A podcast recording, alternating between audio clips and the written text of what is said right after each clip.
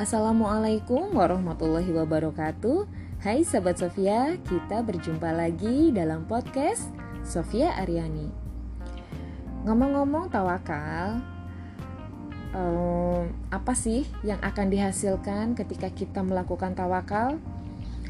Dan episode kali ini Ini adalah episode terakhir tentang tawakal Dan saya akan membahasnya tentang Hasil ketika kita melakukan tawakal atau buah dari tawakal. Ya, buah dari tawakal itu apa sih? Yuk kita simak. Dan saya akan mengambil tulisan dari Muhammad Abduh Tuasikal MSC. Buah dari tawakal kepada Allah Ta'ala amatlah banyak. Yang paling utama adalah Allah akan mencukupi segala urusan orang yang bertawakal Allah Ta'ala berfirman dalam surat At-Tolak ayat 3 yang artinya dan barang siapa yang bertawakal kepada Allah, niscaya Allah akan mencukupkan keperluannya. Barang siapa yang menyandarkan urusannya pada Allah, hanya menyandarkan kepada Allah semata, ia pun mengakui bahwa tidak ada yang bisa mendatangkan kebaikan dan menghilangkan bahaya selain Allah.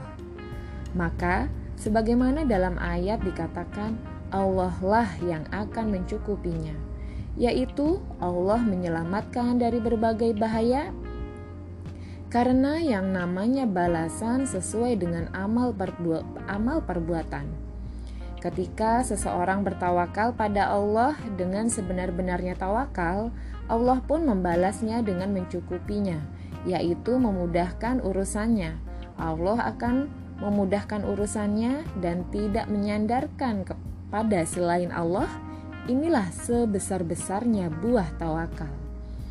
Allah Ta'ala berfirman yang artinya, Hai Nabi, cukuplah Allah menjadi pelindung Hai Nabi, cukuplah Allah menjadi pelindung bagimu. Quran Surat Al-Anfal ayat 64 dan jika mereka bermaksud menipumu, maka sesungguhnya cukuplah Allah yang akan mencukupimu. Dialah yang memperkuatmu dengan pertolongannya dengan para mukmin. Quran surat An Al-Anfal ayat 62. Jadi, buah yang paling utama dari tawakal pada Allah adalah Allah akan memberi kecukupan pada orang yang bertawakal padanya. Oleh karenanya, Allah berfirman mengenai keadaan Nabi Nuh alaihi salam di mana beliau berkata kepada kaumnya, "Hai kaumku, jika terasa berat bagimu tinggal bersamaku dan peringatanku kepadamu tentang ayat-ayat Allah, maka kepada Allah lah aku bertawakal. Karena itu, bulatkanlah keputusanmu dan kumpulkanlah sekutu-sekutumu untuk membinasakanku. Kemudian janganlah keputusanmu itu dirahasiakan. Lalu lakukanlah terhadap diriku dan janganlah kamu memberi tangguh kepadaku. Quran Surat Yunus ayat 71 Allah Ta'ala berfirman mengenai Nabi Hud alaihi salam Sesungguhnya aku berlepas diri dari apa yang kamu persekutukan dari selainnya. Sebab itu, jalankanlah tipu dayamu semuanya terhadapku, dan janganlah kamu memberi tangguh kepadaku. Sesungguhnya aku bertawakal kepada Allah Robku dan Robmu. Tak ada suatu binatang melata pun melainkan dialah yang memegang ubun-ubunnya. Sesungguhnya Robku di atas jalan yang lurus.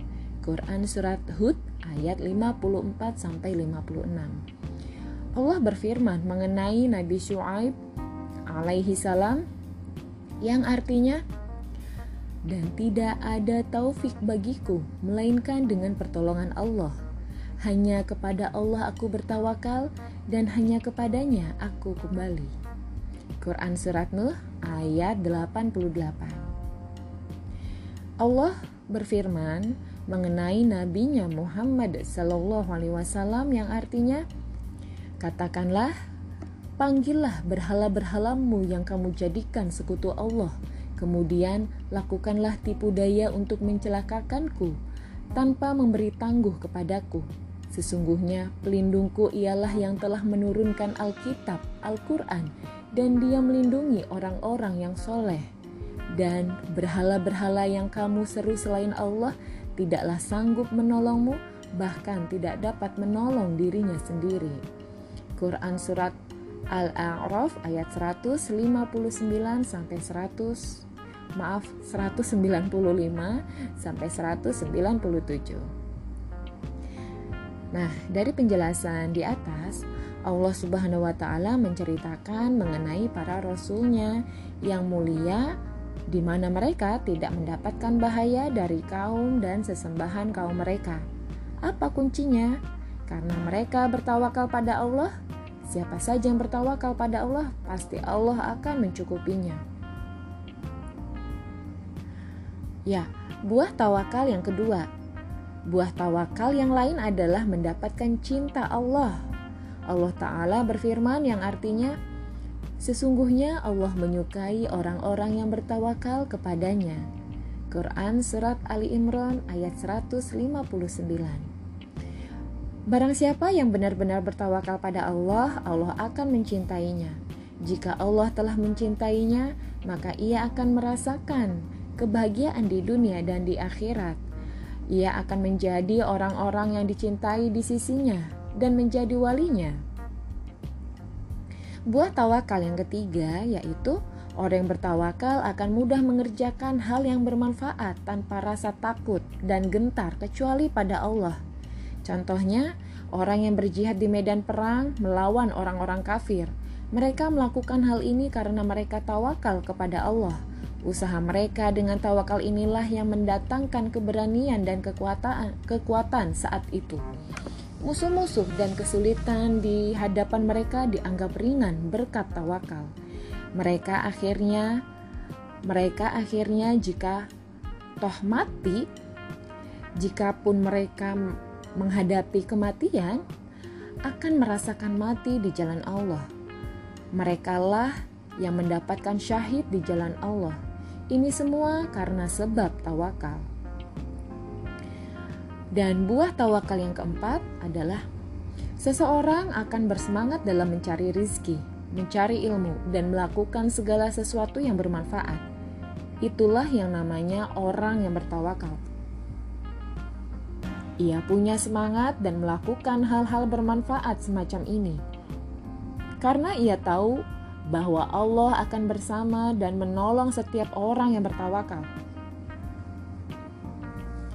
Akhirnya, ia pun bersemangat ketika dalam perkara agama dan dunianya yang bermanfaat. Ia jadinya tidak bermalas-malasan. Kita dapat menyaksikan bahwa para sahabat radhiyallahu anhum merekalah orang yang paling bersemangat. Mereka benar-benar merealisasikan tawakal pada Allah Sampai-sampai karena sifat ini yang mereka miliki, mereka bisa menaklukkan berbagai negeri di ujung timur dan barat melalui jihad mereka. Mereka pun membuka hati melalui dakwah mereka di jalan Allah. Ini semua bisa terwujud karena mereka benar-benar merealisasikan tawakal pada Allah. Allah Ta'ala berfirman yang artinya,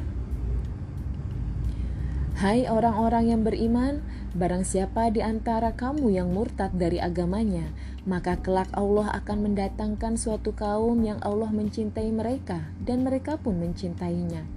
Yang yang bersikap lemah lembut terhadap orang yang mukmin yang bersikap keras terhadap orang-orang kafir yang berjihad di jalan Allah dan yang tidak takut kepada celaan orang yang suka mencela. Itulah karunia Allah diberikannya kepada siapa yang dikehendakinya dan Allah maha luas pemberiannya, lagi maha mengetahui. Quran Surat Al-Ma'idah ayat 54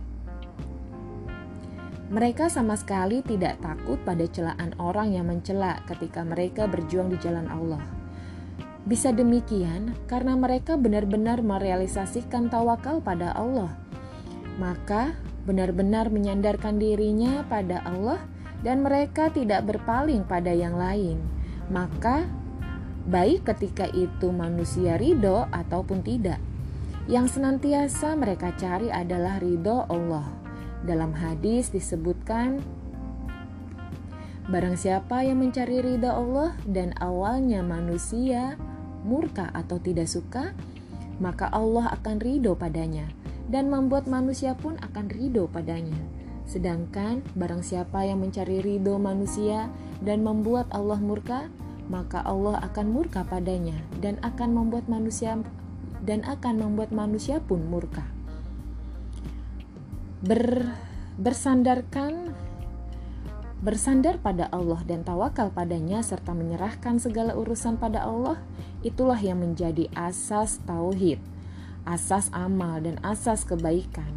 Bahkan Allah telah bahkan Allah menjadikan tawakal ini syarat keimanan. Allah taala berfirman yang artinya dan Allah dan hanya kepada Allah hendaknya kamu bertawakal jika kamu benar-benar orang yang beriman. Quran Surat Al-Ma'idah ayat 23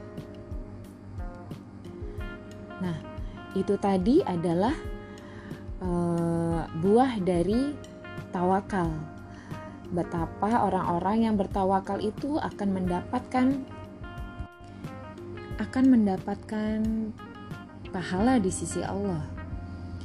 Dan pelajaran yang pelajaran penting yang bisa kita ambil adalah kita harus uh, senantiasa memerhatikan atau memahami arti tawakal.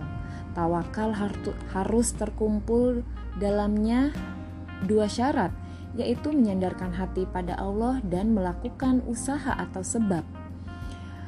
Dan pastinya usaha atau sebab ini adalah usaha yang Allah ridhoi, yaitu yang sesuai dengan syariat Allah. Sehingga tidak benar jika orang hanya berusaha namun tidak menyandarkan hatinya pada Allah karena segala sesuatu di tangan Allah. Dan tidak put dan tidak tepat pula jika seseorang hanya bersandar pada Allah namun tidak ada usaha yang ia lakukan. Ada sebuah kisah yang jadi pelajaran Umar bin Khattab pernah melihat sekelompok orang yang mengaku-ngaku sebagai orang yang bertawakal. Namun, mereka tidak melakukan usaha apa-apa. Umar bertanya pada mereka, "Siapa kalian?" "Kami adalah mutawakilun, orang yang bertawakal," jawab mereka. Umar lantas menjawab, "Tidak, kalian adalah muta'akalun." Artinya, orang yang hanya menaati orang yang hanya menanti diberi makan, yaitu mereka itu sebenarnya hanyalah orang yang hanya butuh pada uluran tangan orang lain dan bukan orang-orang yang bertawakal. Karena orang yang bertawakal haruslah melakukan usaha. Umar bin Khattab pun pernah mengatakan, Kalian telah mengetahui bahwa langit sama sekali tidak menurunkan hujan emas atau hujan perak. Ini beliau katakan untuk mengingkari orang yang hanya duduk untuk ibadah namun tak punya usaha untuk meraih rizki. Mereka sebenarnya orang-orang pemalas yang butuh uluran tangan orang lain. Lantas Umar pun menghardik mereka, lalu mengatakan perkataan di atas. Demikianlah penjelasan singkat mengenai buah tawakal yang kami sarikan dari penjelasan Syekh Soleh Al-Fauzan Hafizahullah, ulama besar di kerajaan Saudi Arabia Riyadh dalam kumpulan risalahnya. Sekian dulu dari saya tentang tawakal. Semoga episode-episode yang telah di yang telah dipersiapkan, yang telah disajikan, yang telah disajikan bisa bermanfaat untuk kita semua. Dan semoga kita menjadi orang-orang yang bertawakal kepada Allah. Sekian dulu dari saya. Wassalamualaikum warahmatullahi wabarakatuh.